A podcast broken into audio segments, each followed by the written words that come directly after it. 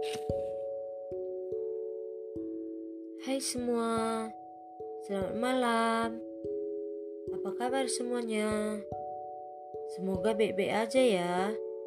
Oh iya, perkenalkan nama aku Dwi Sukmawati Bru Sembiring, mahasiswa baru dari Prodi Sains Atwaria Institut Teknologi Sumatera. Sebelumnya, aku ingin bertanya kepada teman-teman Apakah teman-teman sudah memiliki plan di masa depan? Pada podcast kali ini, aku ingin berbicara tentang plan aku di masa depan. Plan aku di masa depan yaitu dapat meningkatkan cara belajar dengan mengatur waktu dengan baik, sehingga dapat memperoleh IP yang bagus atau lebih dari tiga. Mengikuti organisasi agar dapat meningkatkan relasi dan koneksi.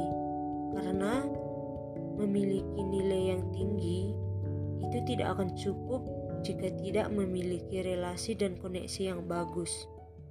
Aku juga ingin mendapatkan gelar profesi sebelum lulus kuliah sebagai syarat seorang aktuaris.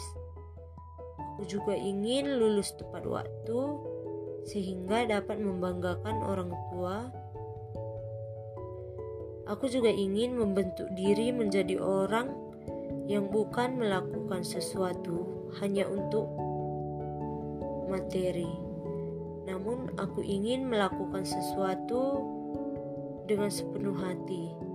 Karena jika sesuatu yang dilakukan sesuai dengan keinginan kita, itu akan berjalan dengan baik dan dapat berguna kepada kita sendiri dan orang lain. Sekian dari saya. Terima kasih.